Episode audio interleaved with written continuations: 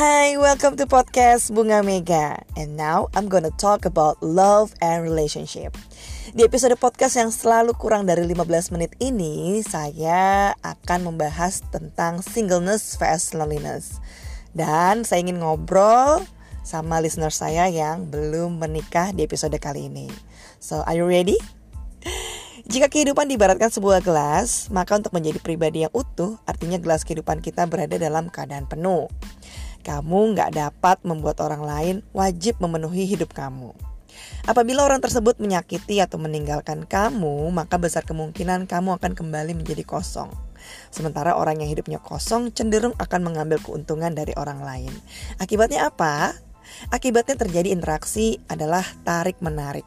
Karena orang yang hidupnya kosong pasti cenderung merecoki hidup orang lain. Ya nggak sih? Jadi jomblo pun terbagi dalam dua kategori loh. Jadi ada nih jomblo-jomblo yang kategori single dan kategori lonely. Sebenarnya single itu bukan status. Dalam sebuah kamus besar dalam bahasa Inggris ya, single di sini diartikan wholeness ataupun utuh dan secure. Walaupun sekarang kamu jomblo atau mungkin yang sedang pacaran, bahkan sudah menikah seperti saya ini, kita harus menjadi pribadi yang single ataupun whole. Karena itu adalah syarat mutlak untuk memiliki sebuah relationship yang sehat. Sementara ya kita hidup dalam anggapan bahwa perempuan dan laki-laki itu selalu membutuhkan sosok lawan jenisnya baru deh bisa merasakan utuh dan berbahagia. Masa sih? Sehingga banyak combloan dan jomblowati berlomba-lomba mencari pasangan karena mereka berpikir itulah satu-satunya cara untuk mereka bisa merasa bahagia, bisa merasa utuh. Listeners, jika motivasi kamu memiliki hubungan atau mencari pasangan hanya didasari pada rasa frustrasi, jangan heran nih kalau hubunganmu tuh nggak bisa berkembang maksimal. Karena apa yang kita bawa ke dalamnya itulah akan kita dapatkan. So basically we have to heal ourselves before we deal ourselves in relationship. Laki-laki dan perempuan yang sepadan dan utuh dengan atau tanpa lawan jenis sebagai pendamping itu ketika dipertemukan akan saling mengisi dengan sehat, bukan menjadi babysitter yang menjaga satu sama lain. Jangan mencari pasangan untuk merasa bahagia, sebab suatu hari bahagia yang kamu sandarkan di pundak orang lain itu bisa dibawa pergi, baik karena orang tersebut mengkhianati atau terpisahkan karena maut. Dan ketika hal itu terjadi, kamu pasti berada dalam keadaan kosong kembali. Sementara hubungan yang ideal adalah hubungan yang seharusnya bisa menciptakan sinergi dan kolaborasi.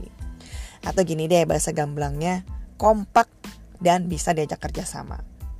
Karena hubungan percintaan yang ideal kan satu kesatuan tentang kerjasama dari kedua pribadi yang secure dan utuh. Bayangkan kalau salah satunya insecure, tujuan untuk bersinergi itu tuh pasti nggak akan tercapai. Rasa kesepian atau loneliness adalah salah satu tanda pribadi seseorang insecure. Akibatnya ia nggak mampu membawa yang terbaik dalam hubungan dengan pasangannya. Seseorang yang insecure ketika menjalin hubungan pasti membawa masalah baru. Loh, kok bisa? Iya, simpelnya gini. Karena orang yang punya masalah pasti akan membawa masalah. Itulah mengapa kita semua harus berdamai dengan masa lalu dan kalau ada sesuatu yang belum beres, harus dibereskan terlebih dahulu. Dibanding sibuk mencari-cari dengan siapa sih kita berjodoh. Dear listeners, siapa sih yang gak kepikiran ya untuk menikah, untuk punya hidup bahagia, untuk bisa punya hubungan yang serius? Sebagian besar dari kita tentunya sudah dalam posisi yang kayak, oke, okay, I wanna marry one day ya.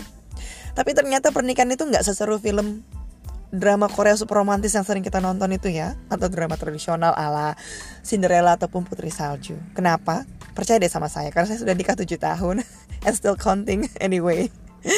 Pernikahan tuh justru menuntut lebih banyak kedewasaan, kebesaran hati dan kemauan untuk terus-menerus memahami perubahan-perubahan yang ada. Belum tentu perubahan itu adalah perubahan yang ke arah lebih baik. Pernikahan lebih dari sekedar romantisme. Bahkan kalau ngomongin pernikahan yang nyata nih adalah bagaimana kita bisa bertoleransi dengan bau nafas bangun tidur di pagi hari, cicilan pembayaran hingga tugas domestiknya nggak ada habisnya dan itu berlangsung seumur hidup kamu ya. Catat. So listeners, jangan biarkan family pressure or peer pressure mengintervensi prioritas hidup kamu. Karena hanya kamu yang tahu kapan saat yang tepat mengakhiri masa lajang kamu. Saya Bunga Mega, jangan lupa untuk follow saya di Instagram di @bunga underscore mega atau membaca tulisan-tulisan saya di website www.bungamega.com. Sampai ketemu lagi di Premier Talk session berikutnya hanya di podcast Bunga Mega. Bye.